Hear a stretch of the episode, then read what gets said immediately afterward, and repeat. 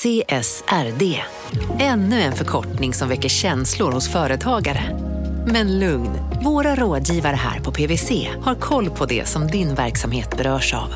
Från hållbarhetslösningar och nya regelverk till affärsutveckling och ansvarsfulla AI-strategier. Välkommen till PWC. Hej, Synoptik här. Visste du att solens UV-strålar kan vara skadliga och åldra dina ögon i förtid? Kom in till oss så hjälper vi dig att hitta rätt solglasögon som skyddar dina ögon. Välkommen till Synoptik. Upptäck hyllade XPeng G9 och P7 hos Bilia. Våra produktspecialister hjälper dig att hitta rätt modell för just dig. Boka din provkörning på bilia.se xpeng redan idag. Välkommen till Bilia, din specialist på XPeng.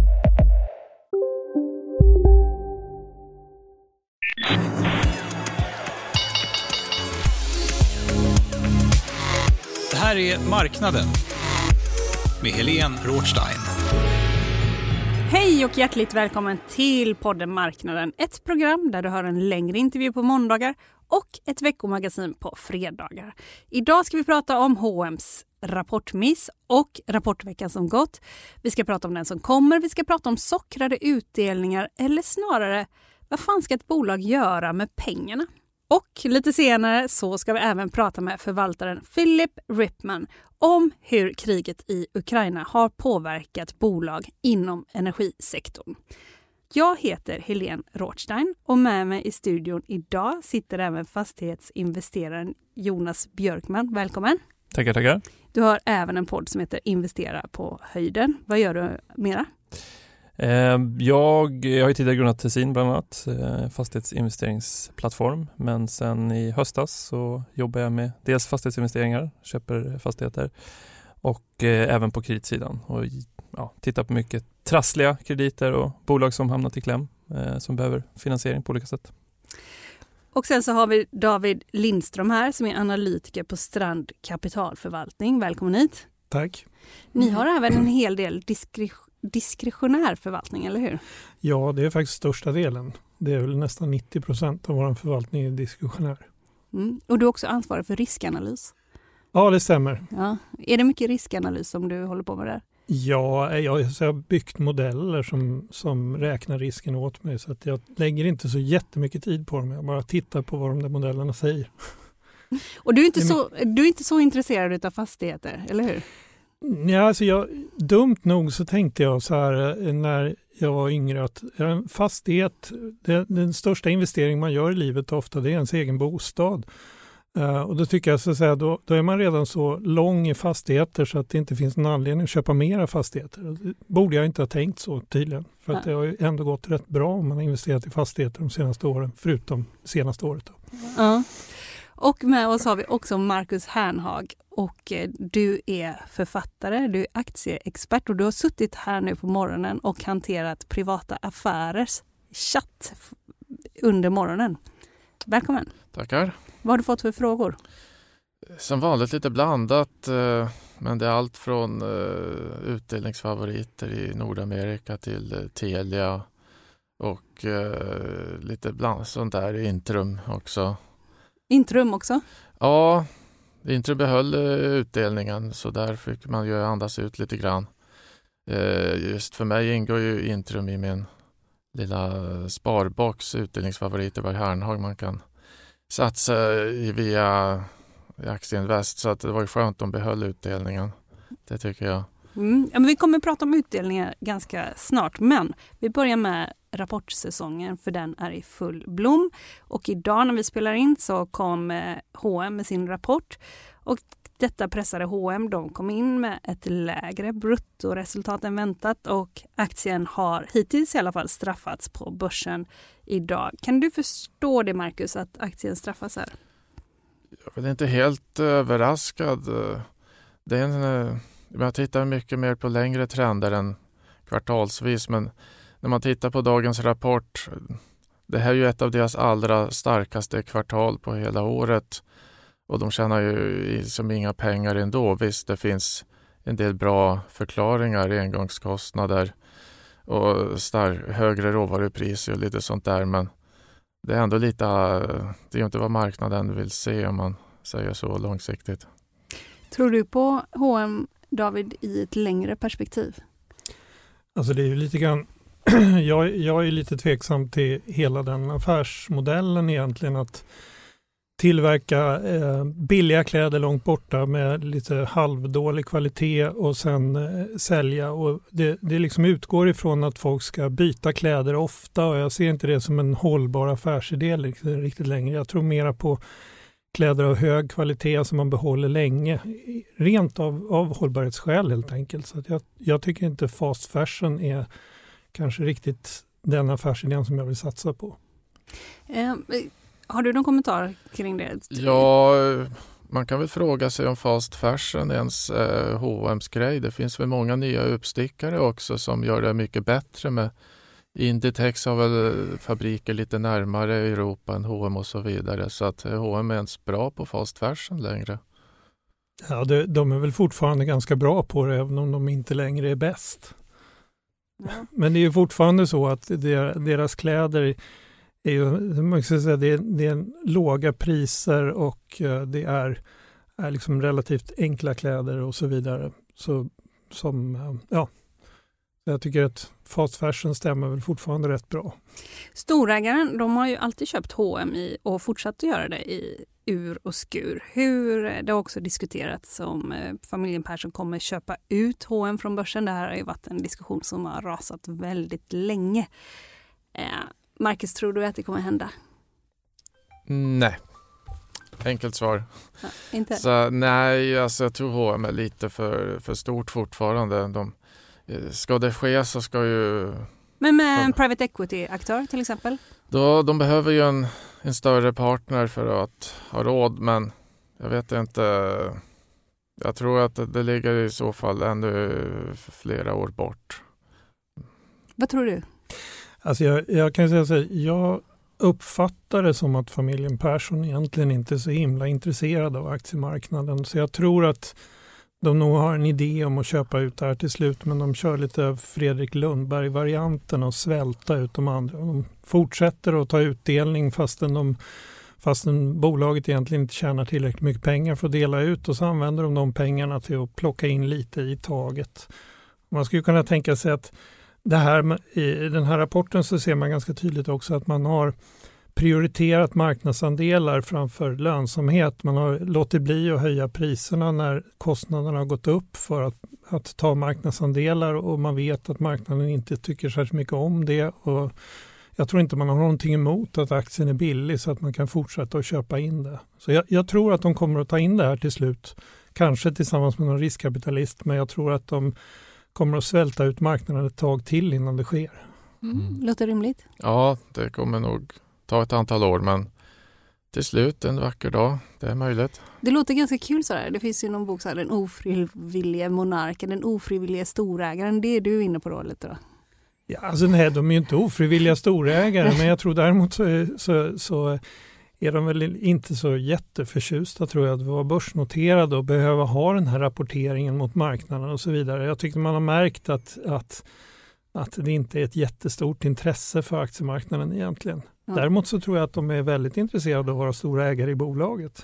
De har ju faktiskt också ett väldigt stort eh, fastighetsbolag i familjen och det kanske inte du har tittat närmare på just eh, Jonas, men om man säger eh, handelsfastigheter just nu, är de, eh, hur, vad säger du om att investera i det eller Nej, men jag har inte stenkoll på, på deras fastighetsinnehav. De har ju en, alltså familjen Persson har ju en egen fastighetsdel. Är stor och det är Regent Street och allt möjligt. Exakt, så att, eh, men det är klart retail är ganska pressat. Om man pratar affärsmodeller så, så är det ju inte självklart att man kommer kunna bibehålla. Alltså nu har man ju fått ordning hyfsat i alla fall på näthandel och sånt där. Det har man ju sett under, under senaste åren. Men, men just affärsmodellen med, med stora eh, Eh, Eh, affärer runt om i, i storstäderna och eller varenda, varenda stad i, i, i Sverige också.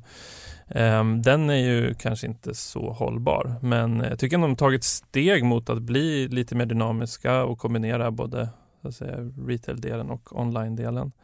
Um, sen om de är ja, om de kommer köpa ut bolaget eller inte, det är svårt att säga. Men de, tar, de är ju storägare idag Eh, och då, det är ganska trevligt att vara stor ägare på börsen. Det är klart, tar du med en private equity-aktör så blir det ju så du måste ju dela den, det stora ägandet med en annan private equity-aktör. Så jag, tror att, jag tror att man kommer ligga kvar ganska, ganska länge. Om det inte blir så pass billigt att de klarar av det själva. Fördelen i och för sig om man delar med private equity-aktör är ju att man, bolaget blir inte lika offentligt längre. Så att säga. Ja, men om man ändå ska göra om massa saker. Ja, ja och ofta är det också så att så aktiemarknaden har inte särskilt mycket tålamod med flera år med låga marginaler och så vidare. Och då, och då kan man ju ofta, det använder ju ofta sådana här som, som motiv till att köpa ut det, att aktiemarknaden är inte särskilt intresserad av det här just nu. Vi, vi tjänar inte tillräckligt mycket pengar. Vi ska investera i verksamheten och så kan vi. Eh, men det, det, är oftast en bortförklaring till att köpa ut det billigt. Eh. Men jag, jag tycker det här med, med handelsfastigheter, jag, jag, eh, också eh, generellt, eller retailfastigheter, att att jag tror ju att eh, ännu så länge så, så, tror jag att, att det kommer att fortsätta med någon slags retailfastighetsdöd. Men långsiktigt så är det väl så att folk kommer nog fortfarande att vilja handla i, gå ut och handla ändå. Så att någonstans kommer man ju hitta någon slags balans där, där så säga, retail eller online retail tar, slutar att ta marknadsandelar av, av eh, det, så att säga, eh, handel, handelsfast, eller, ja, köpcentrum och så vidare. Det har ju varit, eh, det är klart man har pratat om retail-döden i ganska många år nu. Än, än har man inte sett någon, någon död. Däremot så har man ju sett en, en förflyttning av alltså att centrumfastigheter som har, det är många centrumkärnor som har blivit ganska öde. Där börjar man se komma tillbaka lite med en ändrad dynamik där man till exempel ser restauranger och andra typer av an, mm. ja, som tar över den här butikslokalerna. Eh, och så har man flyttat ut det i mer handelsområden som fortfarande håller sig ganska starkt. Eh, mm. Och även på, det blev ju, det var ju under covid så, så gick ju då började man också prata om att nu är det helt, helt dött men det håller sig hyfsat. Så att, eh, handel är inte en, en utdömd, alltså inom fastighetsbranschen i alla fall, eh, sektor 1. Nej, det är bara någon, ibland med vissa logiker där man, jag var till exempel i entré i Malmö, stort eh, köpcentrum och eh, då har man gjort om ovanvåningen till bara event ungefär. Och mm, jag bara känner, varför ska man till exempel gå in och äta på ett köpcentrum eller gå Alltså, de, um, den idén finns ju, den är ju levande och vi har ju den till exempel Modgallerian i Stockholm och sådär. Men annars, vad, vad, säger du? Nej, men jag var i, för första gången får säga, på, med familjen på Mall of Scandinavia kvällstid eh, och det var ju fullsmockat med folk. Där har de spelhall, restauranger, man gick och kollade lite butiker. Ja. Så att du har, alltså jag tror ju att det, och sen har du Heron City som ligger å andra sidan av Stockholm. Funkar också eller? Funkar också, där har man byggt en paddelhall ja. eh, högst upp. En gigantisk paddelhall. Så det går ju att hitta alternativanvändning även om det är den traditionella butiken ändrar form eller flyttar ut. Så, um, och, och, det var ju jättetrevligt. Man inser att ska jag gå runt på stan i sju minus eller ska jag traska omkring? Ja, utan, vädret gör det menar du? Ja, det är, väldigt, det är ett väldigt enkelt sätt och, ja. och, och, folk kommer dit och äter, umgås, mm. träffar på folk. Och det, är fortfar- det är fortfarande många som tycker att shopping är ett nöje. Och då är det väl väldigt trevligt om man kan äta där också och göra lite sådana saker. Ja. Och det finns, det, det är också, så finns ju ofta ganska mycket olika restauranger att välja på som man kan gå till. Så ja. De kanske inte är fantastiska restauranger men de är ändå man kan välja liksom vilken typ av mat man vill äta och så vidare. Så att, ja, men hittills sett i alla fall så har många hittat det som, har, som ligger lite off eller som inte ligger på de här prime-lägena kommunikationsmässigt så har man oftast hittat någon form av alternativanvändning till det. Ja, och det verkar funka. Det verkar funka, mm. men det är klart det kräver ju en omställning och man måste ändra, mm. ändra vad det det här området står för. Mm. Även industriområden som får eh, paddelanläggningar, man får eh, andra från restauranger som finns då idrottsanläggningar. Så. Om vi bara återgår här till eh, från det här lilla stickspåret som ändå, ja men alla vi rör ju oss i sådana här områden, man gör ju det hela tiden.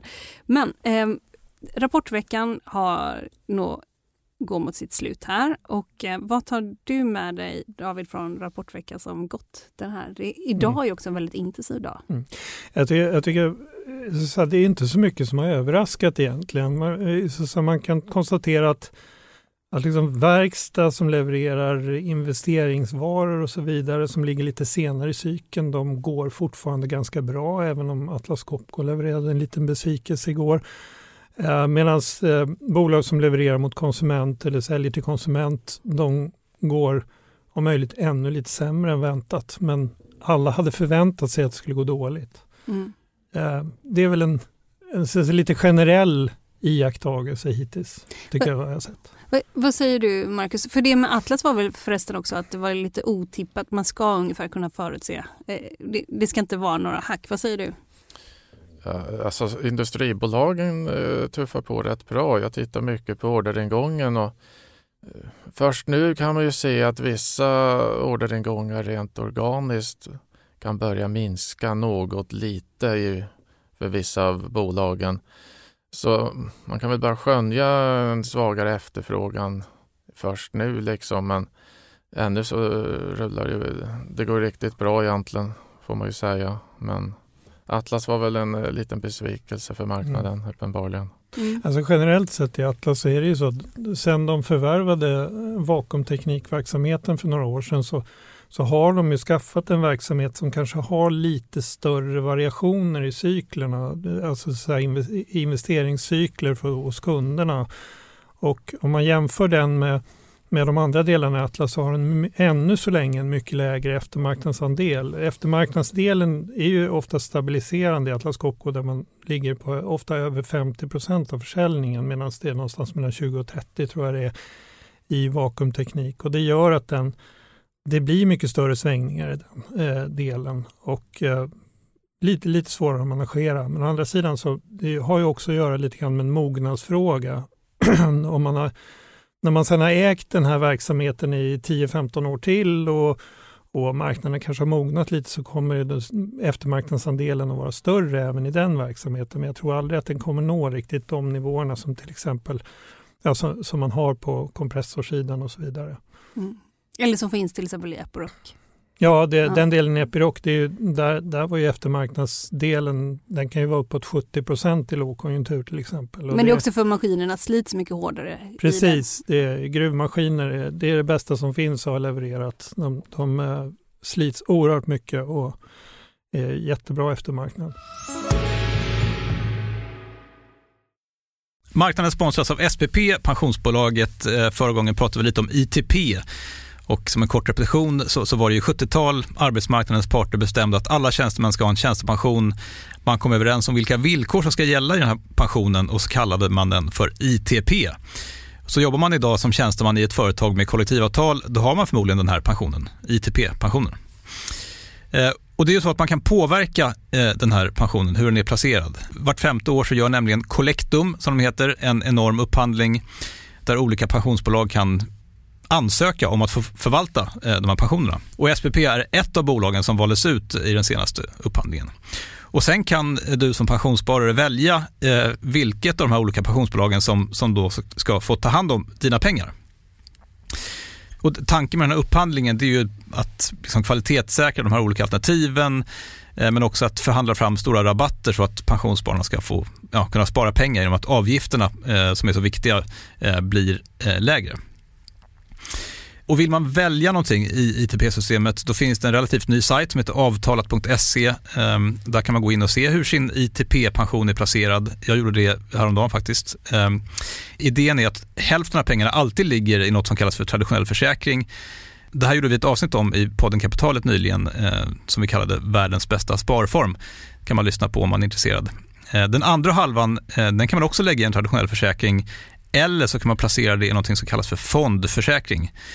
Eh, SPP som sagt eh, var ju ett av de fåtal bolagen som valdes ut i den senaste upphandlingen och de finns med som alternativ både med en traditionell försäkring och med eh, fonder.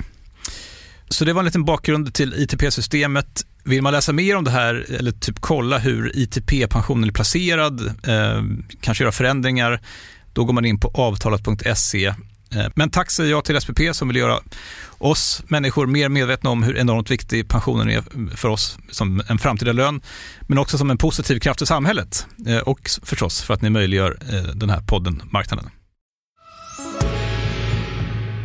Trots vissa besvikelser då, vi har ju också sett en hel del ras, kursras. Vi hade Ericsson förra veckan, Atlas igår, Dometic idag, Garo idag, H&M idag.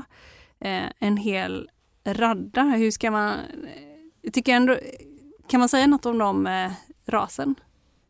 Det är ju individuellt Ja, såklart. det är ju höga förväntningar efter flera veckor, eh, nu ett par månader av uppgång på börsen. Så det kanske inte är så, så oväntat. Det är en sak vad analytikerna tror, en annan sak vad marknadens aktörer hade för förväntningar också. Så att eh, Du, du håller inte på så mycket med analytiker eller vad de tror? Nej, jag tittar bara på hur det gick eh, kvartalsvis jämfört med eh, samma period året innan och sen kan man Ja, det var ju det som var det nya. Sen tittar jag helst på 5-10-åriga trender av intäkter per aktie och vinst per aktie, utdelning per aktie och sen okej, vart är bolaget på väg och är det ett hack i kurvan på gång eller inte och så vidare. Mm. Så jag jobbar ju mycket mer strategiskt men som sagt, varje nytt kvartal är ju ändå en förlängning av de långa trenderna eller ett trendbrott så att det är intressant. Men de här kursrasen som har varit i Garo idag till exempel? Ja, alltså Gar- Garo, där handlar det ju, i deras fall handlar det ju bland annat om, om lite problem med, med leveranser på grund av komponentbrist och så Ja. vidare som har påverkat deras marginaler negativt. Och Garo är ju generellt sett ett bolag som har väldigt högt anseende på börsen och, och som normalt värderas väldigt högt. Och när de då kommer med besvikelser så kan det slå ganska hårt. Det är mer överraskande, även om, även om Garo även tror jag det sen, förra kvartalet också levererade lite dåligt eh, så har de ju generellt sett varit ett fantastiskt bolag. Eh, när det gäller de andra bolagen som har gått dåligt som Dometic och BHG idag till exempel, där, där var ju förväntningarna att det skulle gå dåligt. Eh, det gick bara ännu sämre. Ännu sämre än dåligt. Ja, det, men det är Ja. inte heller bra. Nej, Sen eller, så kan man säga det att eh, när, när resultatet ligger relativt nära noll så, så liksom blir ju en procents avvikelse på rörelsemarginalen ger ju oerhört mycket på procentuellt sett på resultatet. Så att det ser egentligen värre ut än vad det är. Jag tycker inte varken Varken Dometic eller, eller BHG var så där väldigt överraskande. Vi räknade med att det skulle bli dåligt resultat. Så att det, man kan säga att det kanske är lite överreaktion, men ma- marknaden går ju lite grann nu och och fundera på när ska vi köpa de här? Nu går ju konsument jättedåligt. Men, men det är ju när de går jättedåligt som man ska köpa. Eh, och då funderar man liksom, och då kanske man börjar späcka, spekulera i att ja, men snart vänder det här och så köper man och så kommer en besvikelse till. Och ett, i bolag, bolag som BOG så är det dessutom så att de har en relativt hög nettoskuld, en och en halv miljard ungefär. Och ligger liksom ganska nära noll i resultat nu. Och, och då kan man ju, är man ju också lite rädd för att de kanske ska behöva göra nyemission på en låg nivå med stor utspädning. Um, Dometic däremot hade väldigt bra kassaflöde fjärde kvartalet så att där ser man inte riktigt samma oro. För det jag tänkte på, det, trots att det har varit flera ras så eh, har man ju också haft eh, stabila och i vissa fall då högre utdelningar än tidigare. Och eh, det glädjer dig va, Marcus? Utdelningsjägare? Ja, det stämmer. Jag tycker det är en enkel men effektiv trend att titta på. Det säger en hel del om bolaget på sikt, hur, hur de vårdar sin utdelningstrend. Men, men vad säger du David? Om vi säger vad fan ska ett bolag göra med pengarna? Ska man dela Mm. ut dem? Jag vill först bara säga vi, vi pratade om Intrum lite grann i början. Jag, jag, håller inte alls, jag är inte alls glad över att Intrum gör den här utdelningen. Jag tycker att Intrum skulle vårda sin balansräkning istället för att vårda sin huvudaktieägare. Ja, men det är det jag menar Eh, lite. eh, Ja. Så att, eh, att eh, så jag tycker, sen så förstår jag att det, det blev positivt för aktiekursen i Intrum att de tog den här stora utdelningen. Det, det förstår jag, men jag, jag är ju mer intresserad för det första utav, inte utav utdelningarna i sig utan av utdelningsförmåga. Och jag tycker inte att Intrum har en utdelningsförmåga på 13 kronor eller om det var 13,50 eller vad man nu skulle dela ut. Ja, jo, Ja. 13, 13 kronor, 2 gånger 6,50 tror jag det var. Mm. Eh, jag tycker att de skulle vårda sin balansräkning och se till att den blev okej i- först. För då ska de, kommer de också kunna låna betydligt billigare. Just nu de senaste gångerna som, som de nu tog upp nya, nya krediter så fick de betala 10% i ränta. Det tycker inte jag är särskilt bra. tycker inte jag är långsiktigt bra för aktieägarna. Jag tycker att de ska få en bra balansräkning så att de kan låna billigare. Och vad, var det för direktavkastning där? Ja, det blir ju 10% ungefär. Ja, det är misstänksamt högt. Marknaden har ju nästan räknat in en utdelningssänkning på så vis. Så det tycker jag ju Alltså jag förstår Davids eh, resonemang. Men eh, just i Intrums fall, de har ganska starka kassaflöden och ska ju ändå kunna sänka skuldsättningsgraden från 4 till 3,5 där målet är nu säger de. Så att jag, jag tror och hoppas de kan klara av att så att säga både dela ut pengar och få pengar över. Men eh, det är som sagt den där eh, obligationsräntan var ju oerhört hög. Så det är frågan hur, hur smart det är att hyvla av deras obligationspuckel med att ta nya obligationslån redan nu. Mm. De kommer ju förmodligen att behöva göra en till sån här och den kommer förmodligen att vara lika dyr den. Eh, sen är det så att Eh, den stora delen av, av Intrums eh, lånestock eh, eller, eller så att säga, belåning är fortfarande till ganska låg ränta. Så det, det, är inte en katastrof och jag håller med dig om att jag tror inte att det är några större problem för Intrum att, att komma ner på 3,5 i, i, i eh, nettoskuld genom ebitda. Men, men för att det, det är så att säga som du säger så har de ju, ja, de har väl kassaflöden på 5-6 miljarder om året så att det, det, är liksom inga större problem. Det är bara att, och, så att säga, hålla nere på investeringarna i nya, nya kreditportföljer så är de snart där. Så att, eh, det håller jag med om. Jag tycker fortfarande att så ur ett riskperspektiv, eftersom jag gillar ju det här att fundera över risk, så tycker jag tycker att det var fel i det här fallet. Då. Jo men principen, vi, vi har också fastighetsbolagen som kommer in eh, lite senare i rapportsäsongen. Där har vi Castellum till exempel som har ställt in eh, sina utdelningar. Vad tänker du om det Jonas? Jag tycker det är fullt, fullt rimligt. Mm. Um, det är ju en väldigt ansträngd situation. Det är svårt att veta vart räntorna är på väg någonstans. Det kommer mycket obligationsförfall för de flesta bolagen här framöver. Så att den, som ren försiktighetsåtgärd så tycker jag att det var rätt. Sen signalerar man ju till marknaden också att man tar ansvar alltså för, för situationen. Ehm, men så har du SBB till exempel som där Ilja...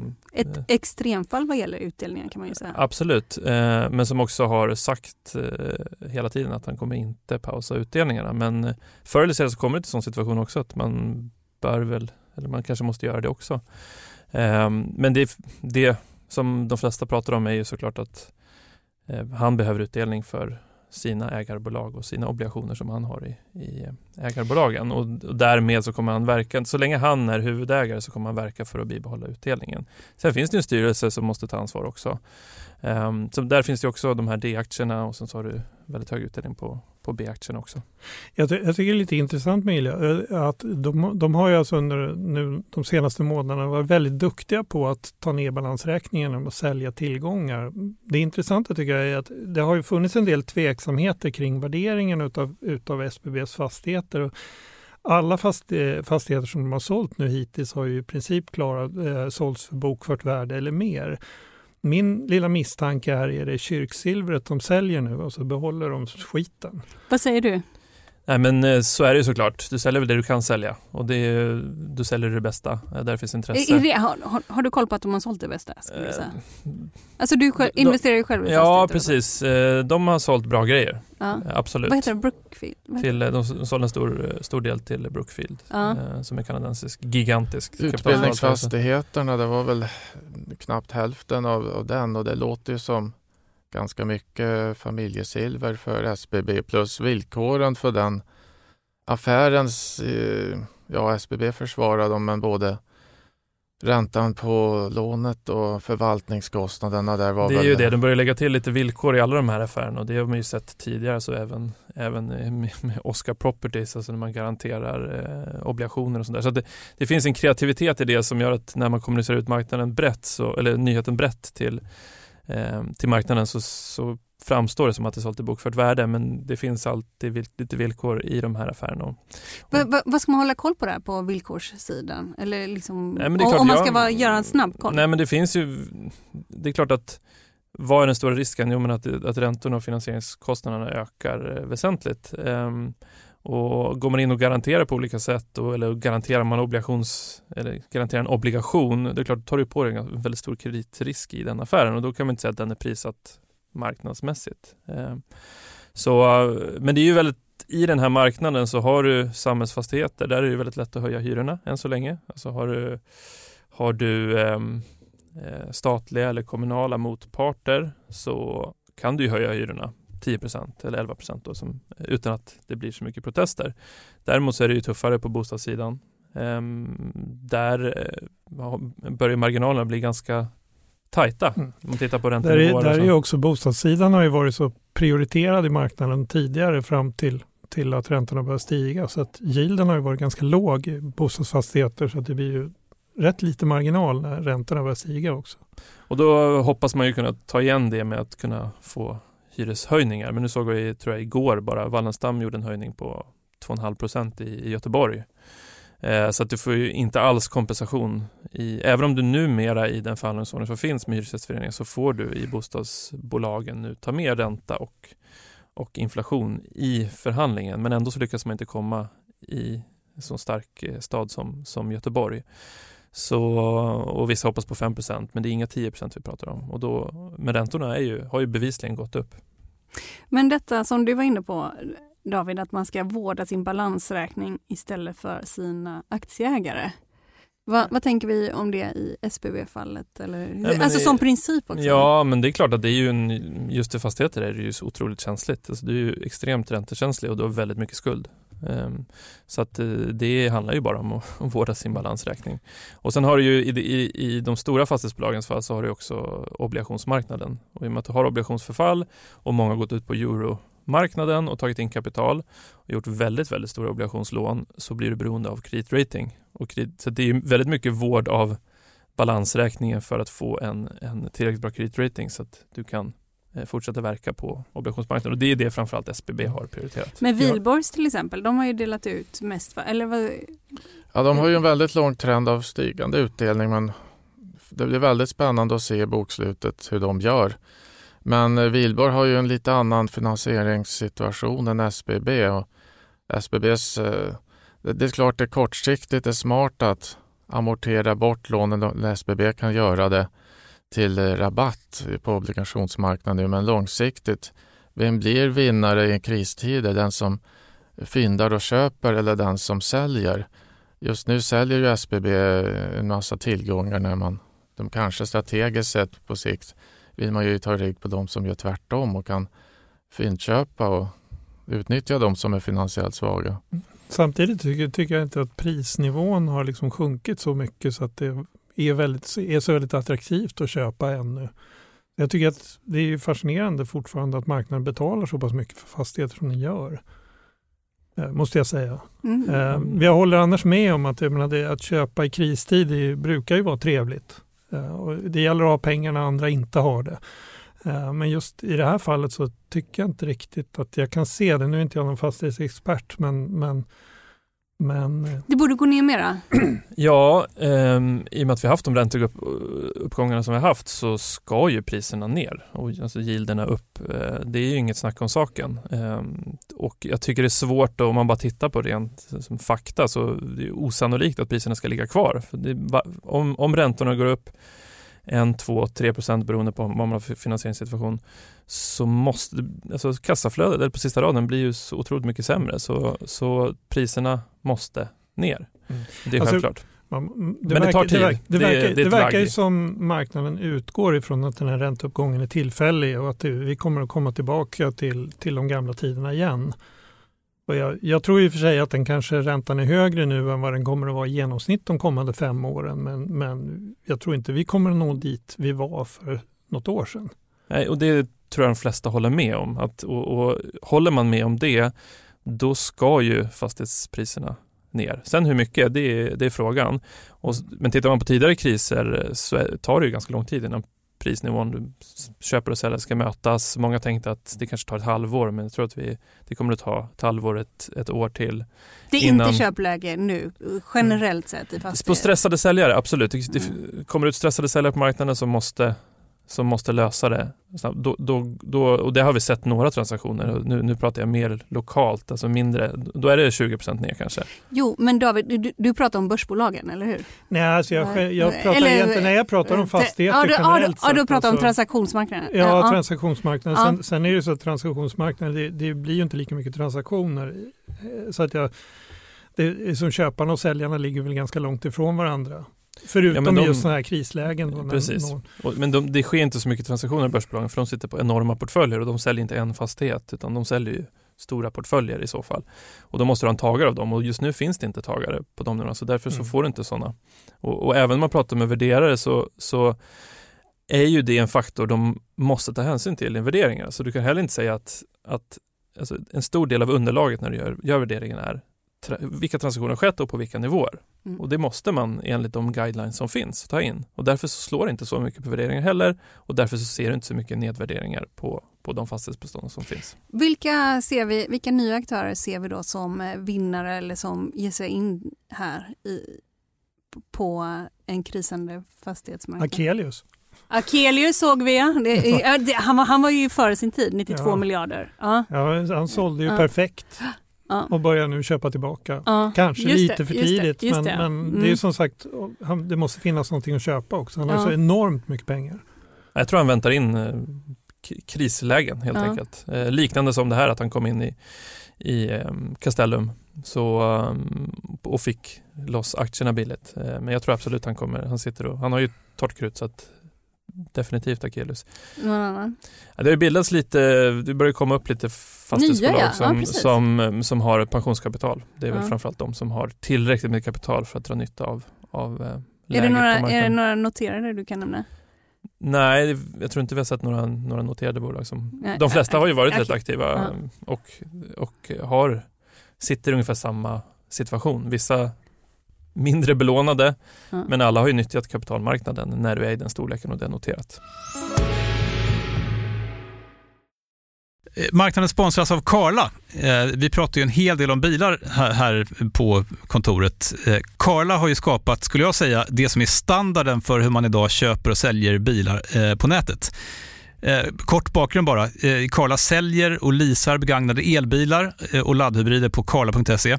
Alltså en helt eh, digital upplevelse. Och man har gjort det här med ett nästan maniskt fokus på vad en bilköpare faktiskt behöver. Jag gjorde ju en intervju med en av grundarna, Patrik Illerstig, i marknaden här eh, ganska nyligen, eh, daterad 25 mars, om man vill lyssna på den. Eh, men där berättar han hur de kom in i det här lite från vänster för att försöka uppfinna hela den här liksom bilköpupplevelsen från början. Och de har idag, vilket är rätt otroligt, 4,8 i betyg eh, på Trustpilot. Jag, jag har sett många företagssidor på Trustpilot, men det här är nog bland eh, det bästa jag någonsin sett faktiskt. Man kan sälja bilen till Karla också. Eh, då går man in på karla.se, delar lite info om bilen, sen får man en gratis värdering och ett bud. De hämtar bilen helt gratis i hela Sverige och så har man pengarna på kontot i samma stund som de hämtar bilen. Det är grymt. Eh, så ska du köpa en ny bil eller sälja din gamla, eller båda delar för den delen, gå in på karla.se och eh, kolla. Alltså karla.se och Karla stavas med C. Tack så mycket till Karla. Tillbaks bara här till utdelning. Det, verkar som att eh, för dig Marcus så verkar det vara en bra era, du som är utdelningsjägare. Det, det spelar ingen roll riktigt vad man kommer in med för rapporter och sådär utan man, man kör på ändå och delar ut. Hur tolkar du det? Alltså- hittills verkar det vara så. Eller har jag fattat rätt? Ja, nej, men det, det verkar ju, de som rapporterat hittills har ju delat ut Ja, eh, oavsett om, det, om de borde eller inte. ja. Det är bra för dig. Jag tycker att det sänder bra signaler för framtiden att styrelsen vågar behålla. Vi har ju ingen, eh, i de flesta fall ingen större kris ännu. Vi har inte sett någon djupare vinstsvacka, lågkonjunktur så, men visst, sällanköpsbolagen så jag fick någon fråga eh, om det var mejl eller aktiechatt om eh, direktavkastningen i Nobia ser ut att vara liksom 10 procent och bara mm, men de måste nog skippa utdelningen med väldigt stor sannolikhet och andra liksom spekulerar att Nobia måste göra nyemission också så det finns en hel del bolag som verkligen måste sänka utdelningen och då, då ska de ju göra det. Ja, men, men kommer vi få se det? det Vi har ju Castellum. Är det någon annan som har pratat? jag gissar att till exempel KRM kommer att sänka på sina stamaktier men eh, inte på preffen. Men du tycker annars man ska göra andra saker med pengarna. Man kan Ja, göra alltså bättre det- saker. det- Man, man kan det- köpa bolag, man kan växa. Mm. Jag, eller, alltså, ja. jag, jag skulle säga att det, det beror på. Ja. Alltså jag, jag tycker att har man ingenting vettigt att göra med pengarna så ska man dela ut dem. Ja. Men, men om, man, om man tittar på lite grann bolag som, som är väldigt duktiga på att investera sina pengar. Alltså jag, jag skulle ju inte tycka att, om man tittar till exempel på Indutrade som, som trots att de är en serieförvärvare lyckas klara en avkastning på sysselsatt kapital på över 20 procent. Det visar ju för det första att de uppenbarligen köper tillräckligt billigt och för det andra att de uppenbarligen lyckas behålla vinsterna eller till och med öka vinsterna i de bolagen de köper. Eh, och de ska ju naturligtvis fortsätta att köpa bolag för de är duktiga på det. De, de, ska, inte, de ska inte dela ut en massa pengar.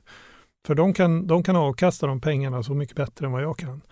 Eh, förmodligen. För jag, jag tror inte att jag kan avkasta pengarna över tid över 20 procent om året. Men det klarar de. Ehm, eh, Det är likadant med som man tittar på Atlas Copco som också sitter på en, de har en avkastning på sysselsatt kapital på 40 procent. Eh, det leder ju för sig då till att de har sådana fantastiska kassaflöden så att de, de kan ju dela ut mycket pengar och ändå fortsätta att göra de investeringar de ska göra. Och det, det är ju naturligtvis ännu mer fantastiskt. Histor- de är ju riktig förvärvsmaskin har de ju varit. Utav Ja, Atlas, och- ja. Atlas är ju en förvärvsmaskin. De är, de är både en förvärvsmaskin men också det att de investerar i sina egna verksamheter och Ja. har hög organisk tillväxt och har osannolikt bra kassaflöden hela tiden.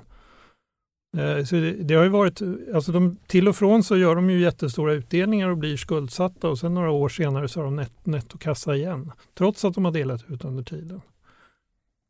Det, Eh, Jonas, eh, vad det gäller fastighetsbolagen, Balder, har de någonsin delat ut pengar? Svår fråga. Ehm, det vet jag inte. Men, eh, Men som de, princip? Som princip så gör de väl inte det, nej. Nej.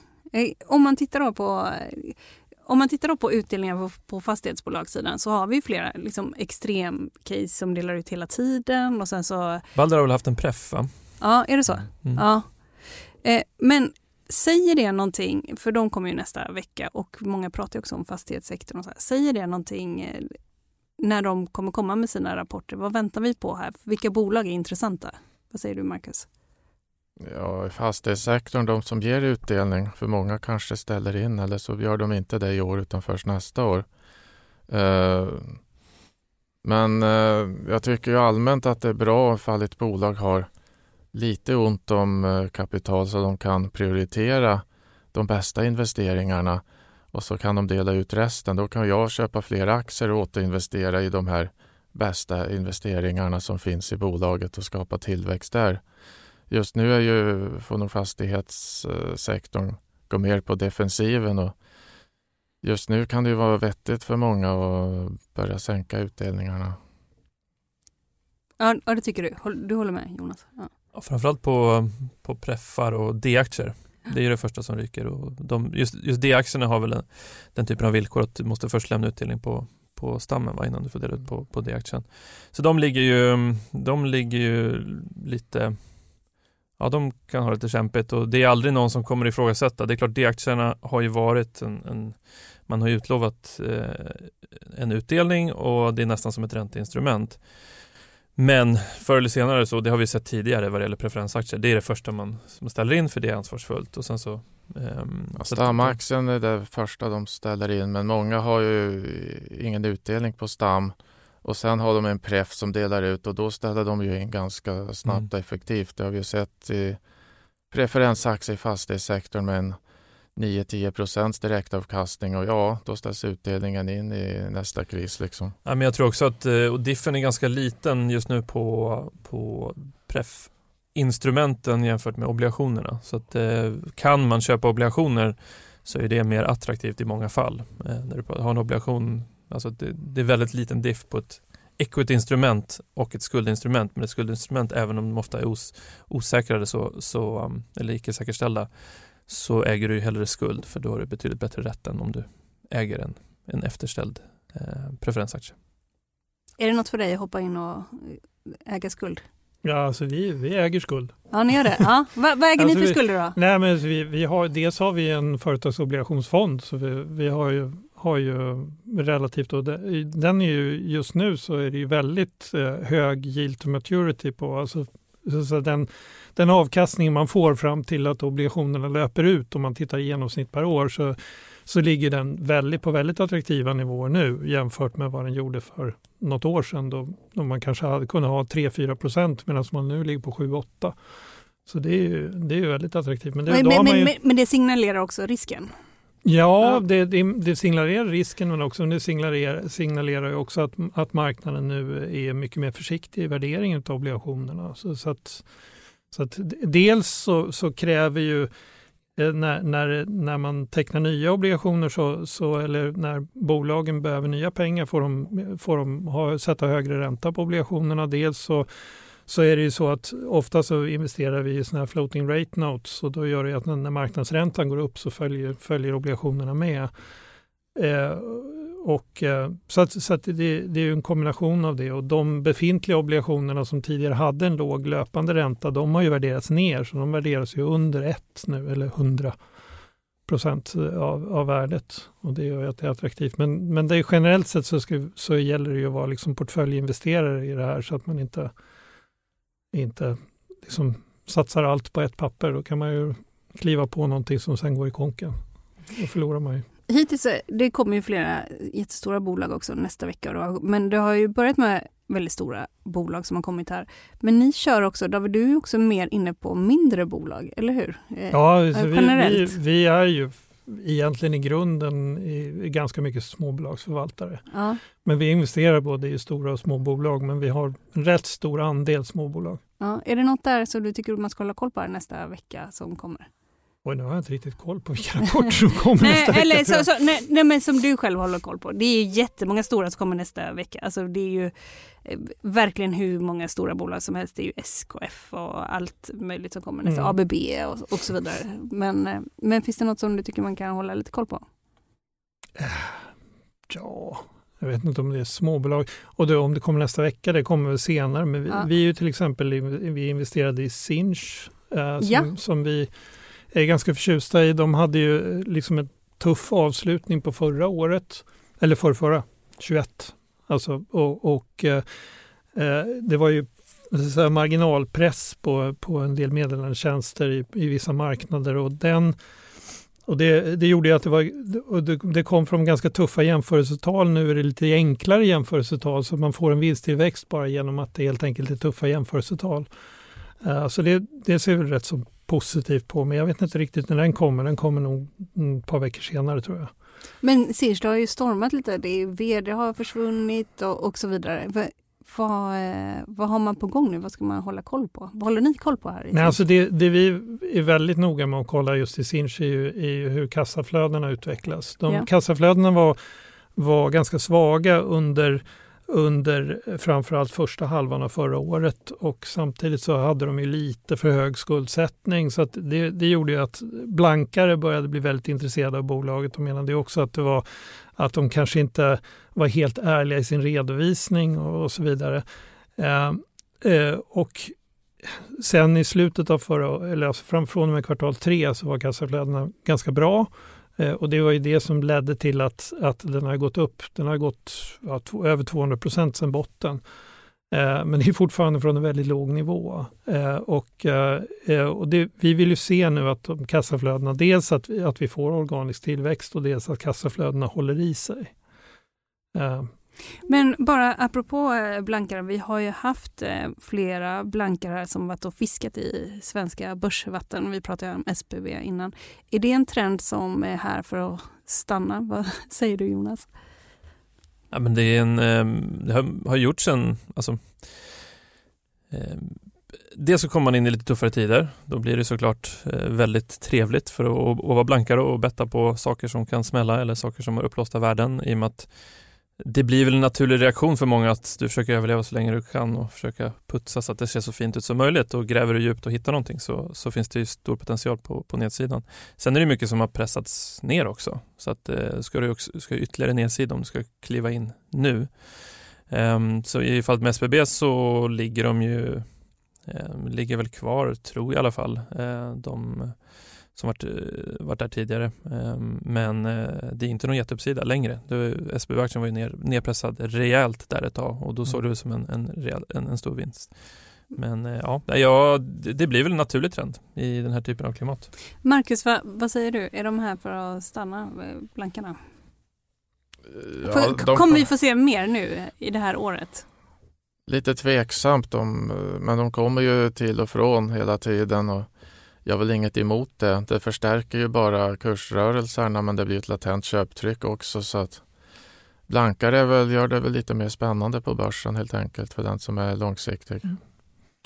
Jag, jag har lite, alltså jag, jag tycker blankning i sig är väl ett, ett fenomen som jag tycker är rimligt att det finns. Däremot så tycker jag lite grann den här typen av, av blankare som, som eh, liksom skannar igenom marknaden, hittar någonting som, som de kanske ser, som ser lite tveksamt ut och sen så bygger de en story som de basunerar ut till allmänheten som inte nödvändigtvis är sann utan de, de liksom egentligen bara syftet är att få ut en story och på det sättet tjäna pengar på sin blankning. Den typen har jag lite svårt för. Däremot är det naturligtvis att, att hittar blankare riktigt redovisningsfusk och tjäna pengar på det, då har jag inga problem med det. Men jag har lite problem med den här typen av där man gör en dålig analys eh, och sen så, så basunerar man ut den med en massa felaktigheter och på det sättet trycker ner kursen på sin egen blankning. Det, den har jag lite svårt Så får man ens göra det som privatperson på forum, på, så på Facebook och liknande. Skriva en massa saker som är väldigt, ja, låt oss kalla det extremt för att sedan utnyttja kursrörelsen. Nej, vissa har dömt för det. Men när blankarna gör ungefär det Fast ännu mer publikt, ja det är ingen som döms för kursmanipulation av blankarna vad jag vet mm. trots all den här informationen som ibland gränsar till ren disinformation och ryktesspridning. Så, eh. det är väl sällan de, i alla fall de stora blanka firmorna går ut med något som inte stämmer. Så att säga. Det är oftast en, sen kan det vara nyanser men det, det ser man väl även på så att säga, positiva aktieanalyser också. Alltså där är det ingen som klagar på om någon skriver en fin analys och ger ett köpråd och tycker att den här ska upp och det får en positiv utveckling på marknaden heller. Så jag tycker att blankare, jag, har, jag tycker absolut de bör finnas och eh, de städar upp. De har gjort, alltså många av de här firmorna som även varit inne i SBB har gjort stora Heter cases. den Viceroy? Den Precis, mm. eh, Viceroy. Eller, eller Viceroy, mm. Aha, eh, någonting sånt. Eh, men de gjorde Adler Group i Tyskland till exempel som visade sig vara väldigt, väldigt uppblåst. I SBBs fallet så tycker jag att när man sitter nära SBB och man har koll på personerna som de lyfter fram i rapporten och då kan man ju också se att det är ju såklart, de har genat lite grann, men de genar inte mer än vad, vad en vanlig aktieanalytiker gör när de sitter och analyserar de här casen och gör egna prognoser och sånt där. Så jag tycker, jag tycker att eh, de, får, de har oförtjänt dåligt rykte eh, för den funktionen de fyller.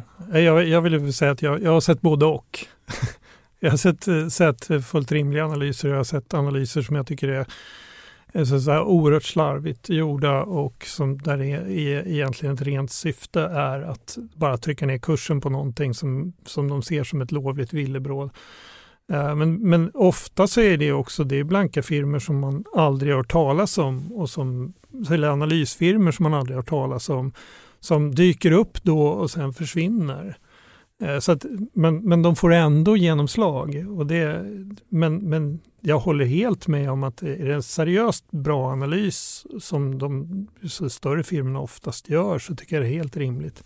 Ja, som jag Hindenburg att... nu som bland annat sänkte Nikola, de här elbilstillverkarna eller lastbilstillverkarna. Ja, ja. ja, de gick på en, de har hållit på i två, tre år och, och intervjuat personal och åkt runt och träffat ja. Eh, mm. det här indiska konglomeratet eh, som jag glömt namnet på nu men men eh, det är väl en av de större konglomeraten i världen. Ehm, och det var ju det är väldigt spännande om man läser de rapporterna. Så här, då, på något sätt så kan man i alla fall, även om allt kanske inte stämmer eller vissa saker är överdrivna, så får man ju en insikt i att det finns mycket domar på eh, de här, mm. det har hänt väldigt mycket i de här dotterbolagen som det finns Alltså mm. personer har blivit fällda för brott och för penningtvätt och inom den här familjen. Så det signerar ju utåt att något, något skit finns det ju i mm. den här koncernen. Mm. Adani Group är det. Adani Group. Ja. Um, och eh, vad håller du koll på här framöver, Marcus? Eh, ja, nästa vecka något så tråkigt som Axfoods rapport. Ja. Nej, det är väl ganska roligt tror jag. Jätteroligt. Och, ja, även AAK ska rapportera. Va, va, vad håller du koll på där?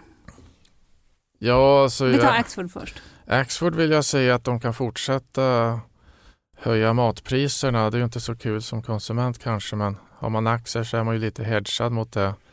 Så jag tror att eh, Axfood eh, har hyggliga chanser att eh, stå emot inflationen i kostnadsledet också. Jag tror även utdelningen kommer att stå sig.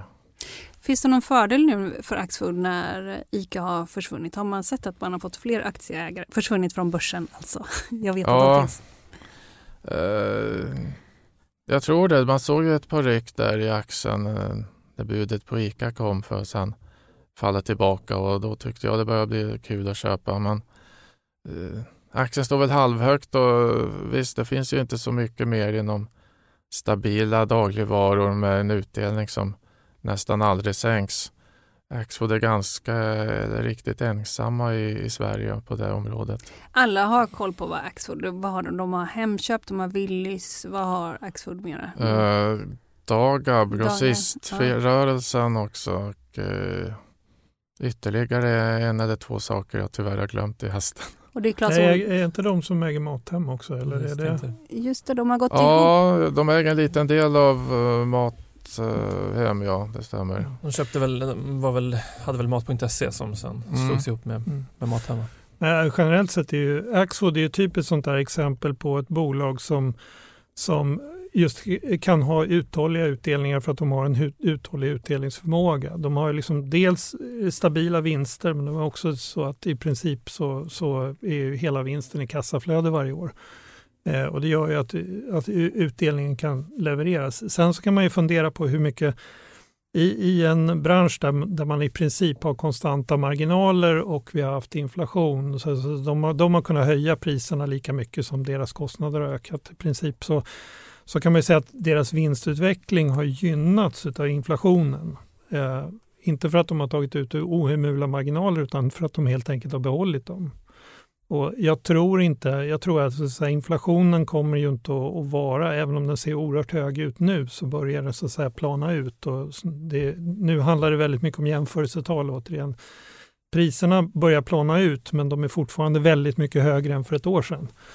Och jag tror att Mm, i takt med att de inte får den hjälpen av inflationen så kommer de inte ha samma vinsttillväxt. Det skulle ju till och med kunna vara så att det blir deflation på vissa, inom vissa områden när det gäller mat, vilket skulle kunna påverka dem negativt.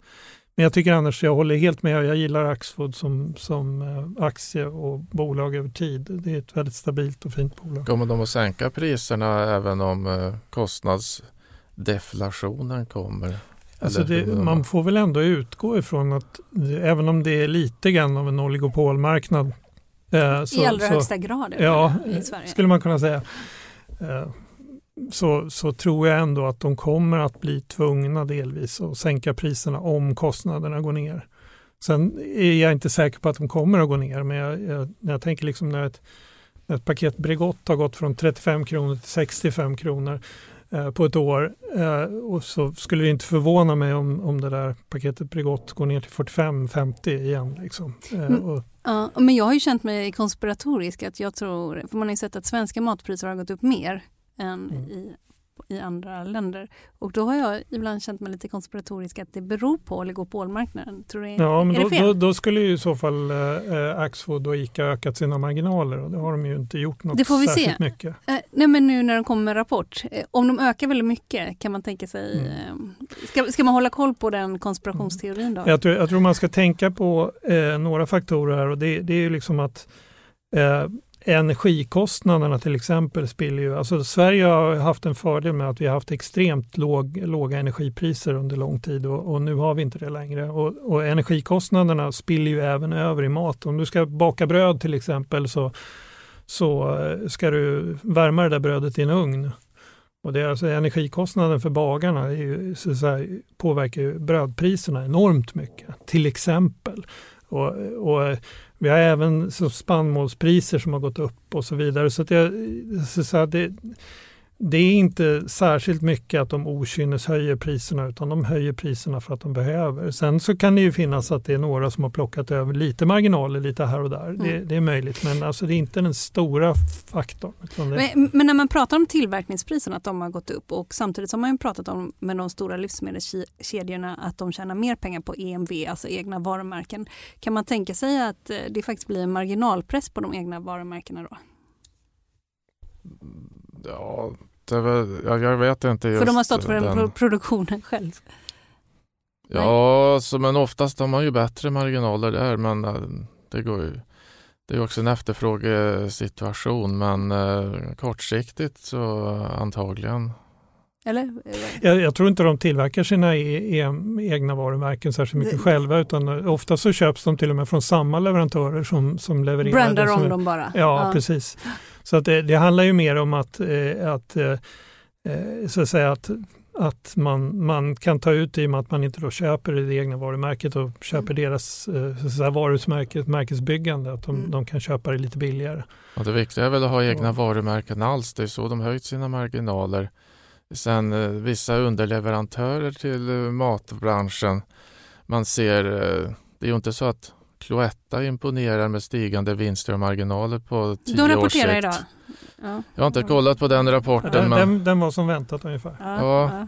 Så att det, det egentligen verkar vara lättare att vara återförsäljare och lägga ut, ha egna varumärken och lägga ut produktion på underleverantören och vara en sån som tillverkar och säljer i, i dagligvarubranschen. Om man tittar på vissa sådana områden. Sardus en gång i tiden blev utköpta men det var inte helt lätt för dem med deras köttpålägg att höja marginalerna vill jag minnas. Nej, men de hade ganska bra, alltså, de tjänade otroligt mycket på blodpudding och leverpastej. Alltså. Ja. otroligt nog. Alltså, framförallt leverpastej var otroligt lönsamt. Där hade de bruttomarginaler på 40-50 procent på. Ja. Jonas, eh, Jonas, vad håller du koll på här framöver då? Ja, men generellt i hela fastighetsbranschen och vad, som händer helt enkelt och eh, just kring utdelningar tycker jag är jätte, jätteintressant. Eh, och sen får man ju se också, nu ryktas det om eh, just att obligationsmarknaden och hela finansieringsmarknaden börjar komma tillbaka lite. Man pratar med investmentbankerna så gjorde de ju i princip ingenting under hela hösten på skuldsidan. Ehm, så att, och där börjar man prata med dem så börjar hinta lite om att affärerna börjar komma igång där också. Så det blir spännande att se om det blir full fräs eller inte. När affärerna kommer igång, då blir det lättare också. Då kan man se eh, hur till pris, exempel, priserna så, blir på, precis. Men det, ja. alltså obligationerna, allting är, alla är beroende av finansiering, alla är ja. beroende av liksom bankfinansiering, men de stora ja, ja. av obligationerna. Och ska du refinansiera så kan det bli dyrt, men den stora frågan är kan de refinansiera? Och det är det som är, kommer marknaden igång då finns det i alla fall kapital. Sen kan den kosta mer under en period. Vi har sett, eh, alltså nu i och för sig Patrium som är mindre bostadsutvecklare som gjorde en obligation nu med på runt 15 procent. Um, och, och, och, det är klart att bör de stora bolagen ligga på de nivåerna även när de emitterar nya och, och refinansierar de gamla då kommer det bli väldigt, väldigt tufft om det är en långsiktig prissättning. Så jag, jag, tycker jag håller koll på, på det. Ja, finns det något bolag som alla pratar om? Bara, hur ska det här, förutom, vi har ju pratat om ett bolag här, men finns det något annat lite dolt bolag som har obligationsförfall här som alla snackar om? Ja, det är de stora, i och med att det är de som har emitterat så, så mycket. Alltså det är ju Castellum, det är Alltså alla i princip, även Balder. Ja, Okej, okay. så den här alltså, obligationsväggen? Äh, de som, de som varit ute på euromarknaden, ja. det är framförallt det, det som enormt mycket kapital. Ja. De andra kan kanske banksystemet klara av. Alltså att man börjar belåna och belåna fastigheterna direkt i, i bank och sen ersätta. Så att, eh, Men annars är det också, vem ska köpa obligation? Vem, ska, vem, vem blir nästa steg när en obligation Ja, ofta så problemet är att många investerare sitter i samma båt som, de vill inte ha förfall, de vill inte ha en, en default på obligationerna. Så att det troliga är att många rullar vidare mm. på ökade, alltså, du justerar räntorna och sen så rullar du vidare och sitter kvar i, i en obligation. Eh, så att det är väl det troliga scenariot. Men kostnaderna går upp och då måste kassaflödena klara det och det är tufft. Hörni, stort tack för att ni kom hit. Tack. Tack. tack. Hörni, vi har ett sista ämne och det är en ny gäst i studion. För Rysslands anfallskrig mot Ukraina har fått en enorm påverkan på den europeiska energisektorn och så även på alla bolag som verkar inom förnybar energi. Vi har med oss Philip Brittman som är förvaltare på fonden Global Solutions hos vår sponsor Storebrand. Philip, hur har krigsutbrottet påverkat marknaden och er strategi? Jag vet inte om jeg säga att det har ändrat det så mycket som att det har satt ett par elementer av det i fokus. Eh, det är klart att vid ingången till Ukraina-krisen så har ju man sett att energifrågan har på något sätt blivit løftet fram som en av de stora utmaningarna vi har. Eh, och inte bara i Norge och Sverige, men egentligen globalt sett. Og det har jo fått konsekvenser som man kanskje ikke nødvendigvis hadde tenkt på förut, som gjør jo til at enkelte av de bolagene vi har både investert og ikke vært investert i, har hatt en utvikling som man kanskje ikke hadde tenkt på forhånd. Og det er klart at energifrågan har jo nesten blitt en eh, Hvor det tidligere kanskje var liksom, litt sånn ok, zero sum i forhold til at det var enten fossile bolag eller det var fornyelsesbolag som kom til å vinne en slags kamp, så har jo man nesten kommet i en situasjon med at man trenger bare mer energi. Och det har gjort till att både oljebolag till exempel och också de bolagen som opererar inför sol och vind har gjort det bra under en period. För man ser ett behov, ett ökat behov för den tjänsten och de produkterna de levererar. Och så får det litt sånn uante effekter i markedet, som f.eks. exempel att eh, Europa har jo hatt fokus på å fylle gasslagrene sine, f.eks. etter at russisk gass ikke var tilgjengelig. Och då har vi importerat mer av det som heter LNG, eller sånn liquefied natural gas, Mutade av det tidigare till Asien till exempel. Och det har ju betytt att Asien har inte fått köpa gass till den prisen de har fått till før, og det har ikke vært nok gass til å gå rundt. Det har jo også betydd at de har f.eks. slått på igjen en del kullkraftverk. Eh, og det er problematisk fra et klimatståsted. Så det er et veldig komplisert stykke på ok, hvordan øker vi tilgangen til gode og sikre energikilder? Hvordan gjør vi til at det er god tilgang til dem? Og hvordan får vi til på et sett som ikke ødelegger for klimatmålet for alle landene som har signert en Parisavtale, til eksempel. Så det er et komplisert utfall, rett og slett. Och om man blickar framåt så förblir det komplicerat för det är ovisst hur det här fortgår. Men vad ser du framåt? Vel, som en Eh, altså Ikke bare som en respons til Ukraina-krisen, men det har jo kommet en del reguleringspakker fra ulike områder. Så USA i fjor hadde jo, kom jo med dette Inflation Reduction Act, til eksempel. Og det henger litt sammen med et par andre reguleringspakker som USA kom med. De har noe som heter Chips Act. Ehm, um, og mye av det handler om at de vil flytte deler ut av verdikjeden på energiproduksjon hjem til USA. Og EU har jo sett dette, og til sammen med da den klimatpakken som også ligger innarbeidet i Inflation Reduction Act, for en stor del ut av den skal også gå til ulike klimatteknologier, til eh, insentivordninger for de bolagene som leverer de her tingene. Så har jo da også EU sagt at ok, vi må levere noe lignende, for nå løper USA av gårde som et foregangsland innenfor dette området, og EU vil ikke bli latt eh, værende igjen på sidelinjen. Så EU kommer jo med flere reguleringspakker òg, de har vel nå senest i Davos, tror jeg, eh, signaliserat signalisert at de kommer med en tilsvarende pakke. Så noe av dette handler jo om å ta kontroll på energiproduksjon på ulike deler av leverandørkjeden. Så vi står jo fremfor en ganske stor omstilling globalt, hvor det kanskje har vært mer fokus på globalisering og leverandørkjeder som er brutt opp mellom ulike regioner og ulike land, og nå er det litt trykk på å få dette hjem til de ulike områdene, for ikke være så sårbare, kanskje, som Ukraina-krisen har vist at enkelte land er. Og i bakteppet her så har du også forholdet mellom USA og Kina, som har vært litt kaldere i den siste tiden, eh, som også har vært en utfordring i forhold til dette med energiproduksjon, for det at Kina eier veldig mye ut av denne verdikjeden i forhold til produksjon av sol og vind. Så det är ett väldigt komplicerat stykke, men trenden er jo at man reshore, som det heter, altså at man tar tillbaka delar av supply chain, man producerar mer på hjemmebane. Det kan vara med på potentiellt öka kostnaderna, men det vill ju också öka potentiellt hur mycket vi klarar att producera över tid, och hur mycket vi klarar att bygga ut förnybar produktion, som jag tror såklart blir det viktigaste vi gör framöver, om vi ska lyckas med att nå klimatmålen. Kan du nämna enskilda bolag eller case som ni har eh, sagt hej då till tack vare den nya situationen som har uppstått eller också som ni har tagit in? det har inte resulterat i så, så många bolag vi har tagit bort. Vi är också ett fossilfritt fond och har fossilfria strategier, så vi har inte exponering idag till olje och gassektorn till exempel.